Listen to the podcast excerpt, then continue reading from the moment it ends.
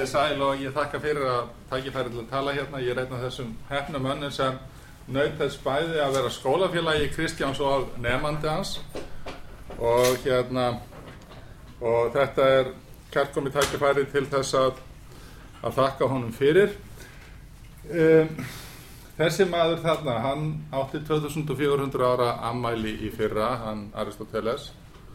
og það er svo merkilegt að þó hann hafi drepist bara rétt í byrjun þessa tímabil sem liðin er síðan þá hefur hann ekkert hægt að tala við okkur því að hann hefur eiginlega á hverjum tíma átt tungu í höfði einhverja mjög lærðra og spakra manna. Og flest af því sem hann segir í þessari bóksinni sem mest er lesið núna það er svolítið breytild frá öll til aldar hvað er mest lesið, nú er það síðfræðin Nikko Makkosar flest sem þar stendur það virðist svona við fyrsta lestur sennilegt. Það virðist koma vel heim við reynslu okkar flestra. En það eru þú þarna tvær fullirðingar og í kynningunni þá svona leit út eins og ég ætla að tala um þar báðar.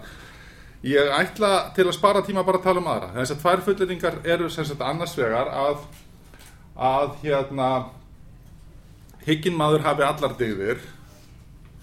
og hins vegar að hygginn maður sé aldrei breyskur. Og það er þessari setja sem ég ætla að sleppa bara því miður, það er rosalega spennandi efni sem tengjast henni, Aristoteles veldir í til dæmis fyrir sér í alveg hvort það geti mögulega gæst að hygginn maður næja sér neglunar og þið getur svo bara að hugsa um það á, á eftir en hérna þarna situr hann á Aristoteles að torginni Þessalóniki sem heitir eftir borgin eftir sýstur hans Alexander sem var nú frægastir nefandi stelpan hétt Thessaloniki að því pappennar sigraði Thessalíumenn í stríði hérna þegar það fættist en já já. Hérna Aristoteles segir sem sagt að hérna hyggnir menn hafi allar dyggðir og að engin dyggð sé möguleg án hygginda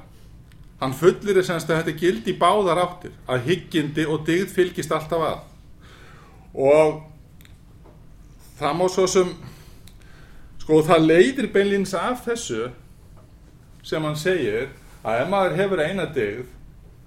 þá hafa það allar. Því ef maður hefur eina dyggð, þá er hann hygginn og ef maður er hygginn, þá hefur hann allar dyggð. Nú þannig ef maður hefur eina dyggð, þá hefur hann, allar. Og þetta virðist við fyrstu sín frekar ósennilegt Hvers vegna skildi maður til dæmis ekki geta verið örlátur án þess að vera hugrakur? Eða hvers vegna skildi maður ekki geta verið hófsamur án þess að búa við stórmennsku? Þetta, þetta er svona fljótt á litið virðist þetta frekar ósennilegt sem Aristoteles segir og mér fannst þetta fyrst fullkomlega galið og veltiði fyrir mér hvort hann gæti hafa mynd þetta bókstaflega og það er svolítið freistandi að halda að hann nefndi ekki bókstaflega því að orði sem hann nota sko að það mætti þýða setningarna bókstaflega sem sé eindegi til staðar í kostur og öllum en svo á samhenginu er alveg ljóst. Hann meinar þetta bókstaflega. Að sá sem hefur eina digð hann er higginn og ef maður er higginn þá hefur maður alla digður um, fyrri kenningin fyrra, fyrri forsendan er samt miklu trúlegri heldur en sá svo setni því Aristoteles gerir ju greinamun á eðlislæri digð og full algeri digð og hann segir að vissulega getur maður haft eðlislæga digð án þess að vera higgjum sko það er þetta að búa yfir svona einfaldri góðvild hjálpsemi til dæmis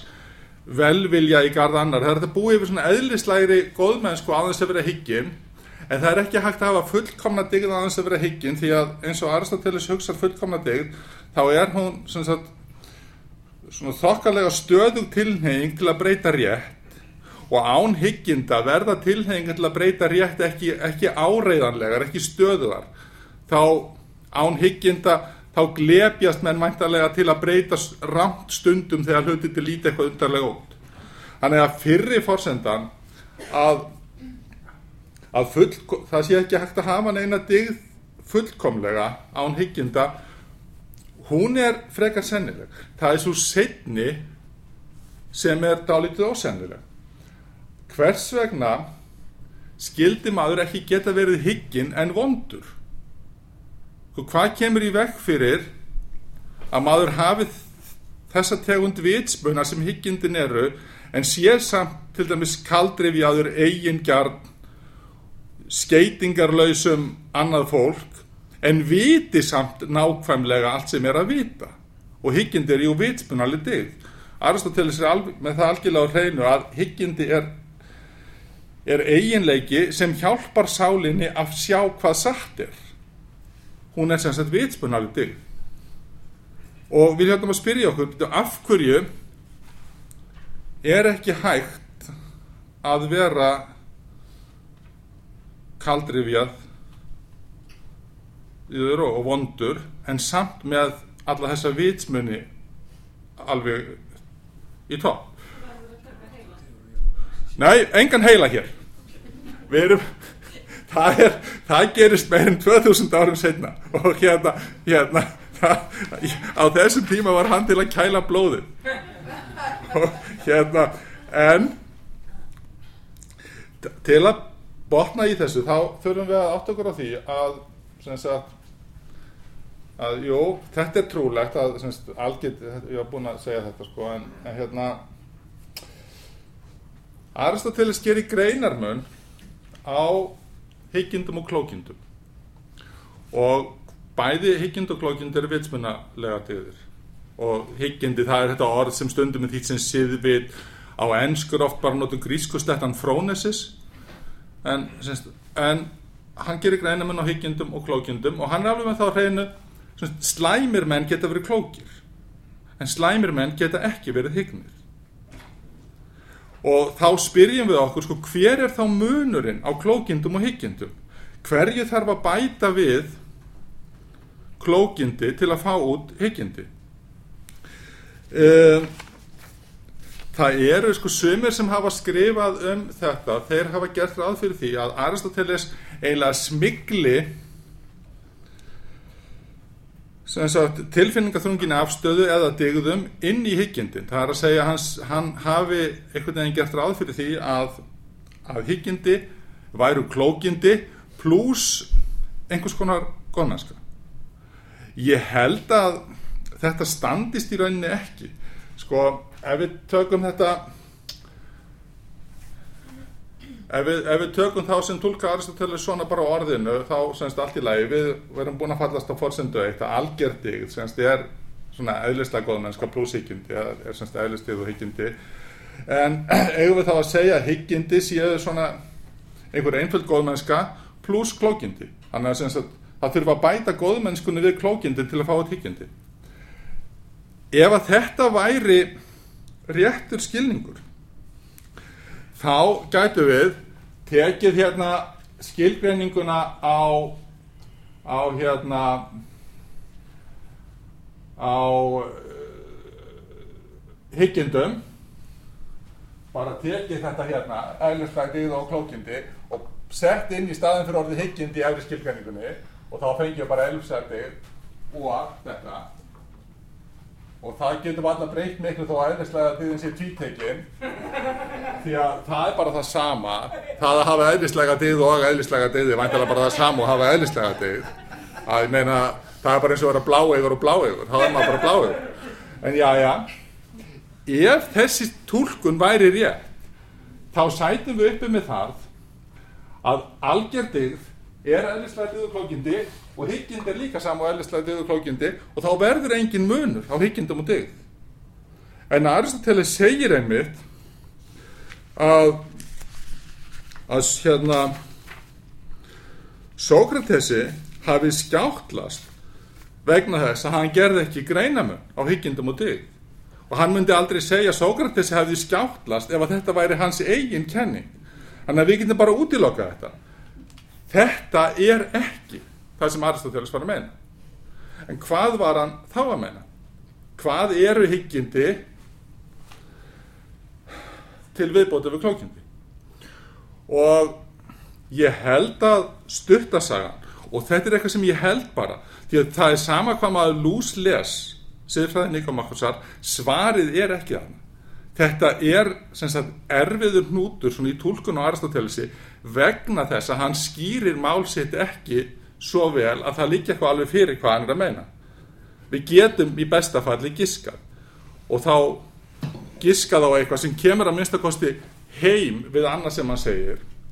Og ég held að Aristoteles hann hafi talið að menn gætu í reynd ekki tamið sér hyggjindi að hans vera góðir. Hann hafi ekki talið að þetta væru röksannindi heldur bara fólk væri þannig gert að það því tækist ekki að taka skrefið frá klókjundum til hygginda nema vera gott fólk, vera digðugt og af hverju ekki? Það, hann segir að sagt, hyggindi eru hæfni til að komast að markinu en digðin er hæfni til að velja markið, markmið. Og klókindi eru líka hæfni til að komast að marki. Og hver er þá munurinn? Ég held að sko eðlilega sé að skilja Aristoteles svo að að hérna sá klóki hann sér markmiðið fer bara þangað og greipur það. Svona svo fýllin í postulinsbúðinni fýllin í postulinsbúðinni er alveg í styrtuna sem hann ætlar að sækja en hann bara skemmir allt hitt í leðin e, hyggindi er væntalega svo hæfni að sjá leiðað markinu á þess að trafka á neinum gildum. Og þetta er hrein og klár vitsmunaleg hæfni að komast alla leið á þess að trafka neinu að geta sem sagt fundið leið á þess að trafka neinum gildum þýðir ekki endilega að mér sé andum þessi gildi. En ég held að kenning Aristoteles hafi verið í svona stuttumáli svo að menn læri þetta ekki nema þeim sé andum gildi. Menn læri reynir ekki að taka eftir því sem skiptir siðferðilega máli á þess að láta sér andum það ekki að það sé röglega ómulegt heldur bara fólk sé þannig gert að það læri ekki að að hérna hreyfa sig rétt í heimi hérna verðmæta og gilda án þess að hafa eitthvað svona næmi á hvað skiptir siðferðilega máli og slíkt næmi öðlist menn ekki nema þeir láti sér einhverjum hætti andum það og það gerir menn ekki nema þeir séu digðugir þannig að ef við hugsaum þetta svona þá verður fórsenda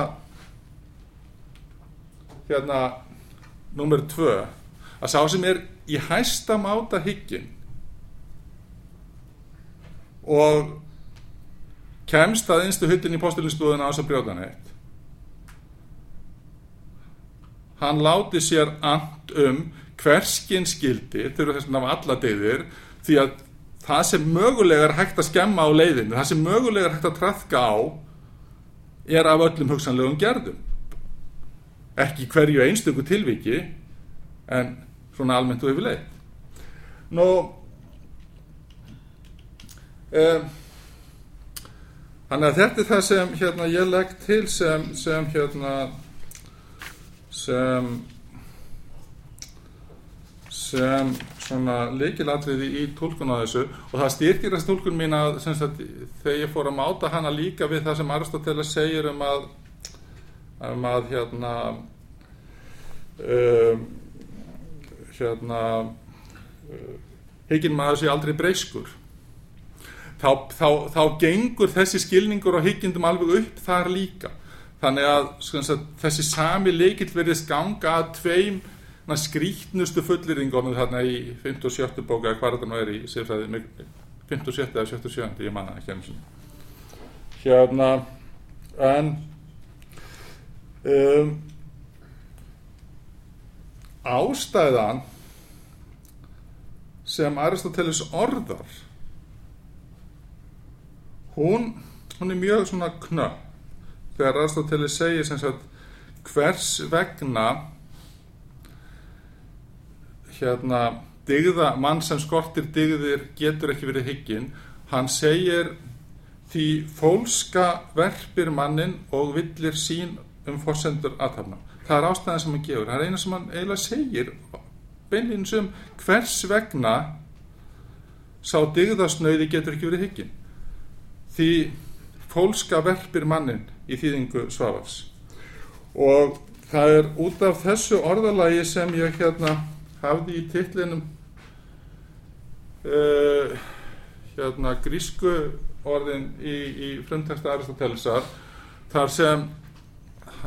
fólska verpirmannin hann segir þýja strefi gar í mokþýrja beigir en mokþýrja og, og hérna að, að, að, að þessi þessi mokþýrja hún verpi beigi afskræmi. Því að strefa þetta, þetta er sögnin strífos því að beigja þetta er sem sagt hérna það, það sé hérna einhvern fyrirbæri mokþýrja sem beigi verpi eða afskræmi manni og hérna hvað er þetta fyrirbæri mokþýrja í nútíma máli þýðir það bara ílska Í máli Aristotelesar þýtti það bæði ilsku og strid og bákkjör. Í nútíma máli er náskild orð mokkþós þýðir eimd eða bákkjör og sögnin mokkþjó sem er þetta dreigið af. Hún getur þýtt að þjást, erfiða, slíta sér út eða strita. Svo við spyrjum okkur hvað nákvæmlega þýðir þessi eina ástæða sem Aristoteles orðar að mokþýrja beigi, verpi, afskræmi mannin og blekkir hann um fórsendur verka. Þýðir þetta að strítið afskræmi mannin eða þýðir þetta að ilskan afskræmi mannin? Um, Aristoteles leikur hann svolítið tveim skjöldum. Er hann að segja að allþýðu fólk geti ekki verið hyggið eða er hann að segja að vondir menn geti ekki verið hyggið og hugsanlega hluti af svarin að finna sko í, í pólitíkinni þar sem hann talar um að fólk sem þarf að mikið að vinna fyrir sér það geti ekki sagt, orðið svona digðir frjálsi borgarar. En þar er reyndar ljóst að hann er ekki að tala um að erfiðið sjálf komið vekk fyrir að menn verði degðugir heldur að skortur og tómstundum gera það. Menn þurfi frelsi ráða frelsi og ráðurum til að ráða ráðum sínum. Nú hvað nákvæmlega var í huga Aristoteles að þegar hann sagði þetta? Sko hugsanlega fannst honum óþarfi að vera að gera mikinn greinamön á erfiðismönnum og illþýði algjörlega öfugt við hugsun okkar nútímamanna sem erum nokkur neginn með það á hreinu að það er meiri líkur á að finna gott fólk á vinnandi alltíðu þetta er einhverja yðurlösi yfirstjæð en Aristoteles sá hlutina í öðru ljósi. Og það er svo sem hægt að kannski svona svolítið freistand að afgreða þetta með mokkþýriuna sem sko að hann sé svona eiginlega svona slá saman sko erfiðismönnum og, og, og vondumönnum það er freistand að afgreða þetta sem svona einhvern yfirstjættarhloka um, ég held samt að að þarna eins og svo víða þá hafi Aristoteles svona náði að auðvitað einhverja einhverja heilbriða skynsemi að getur ekki verið að sé eitthvað til í því að fólk sem ekki fær tækifæri til að ráða ráðum sínum um málefni samfélagsins eða félagsmál eða sameigileg mál að það nái aldrei að verða hyggið og ég hérna ætlaði bara að tala í kortir, ég er búin að tala í átömyndar þannig að ég fyrir að hætta þessu því að ég vil gæta að þessi verði tími fyrir umræður en ég held og þetta er eitthvað sem ég bara held því að þessi eina setning sem Aristoteles segir af hverju degðasnöði menn get ekki verið hygnir hún alltaf bæði tvíræð og hún, það er enga skýringar sem fylgja en ég held að hann hefði eftir vil komið hugsun sinni betur áleiðist til nútíma manna ef hann hefði sagt að til þess að vera higginn þurfum menn bæði að vera góðir og frjálsir. Um, það er svona þráður í stjórnspeki Vesturlanda sem, sem byrjar þarna líðveldis hugssjónir um, um hérna, samfélag frjálsra borgara sem gekk í gegnum rít eins og hjá Machiavelli og svo hjá, hjá rótækjafólki á 19. öld og í marxism á 20. aldar að menn verði einmitt hygnir með því að fá sjálfur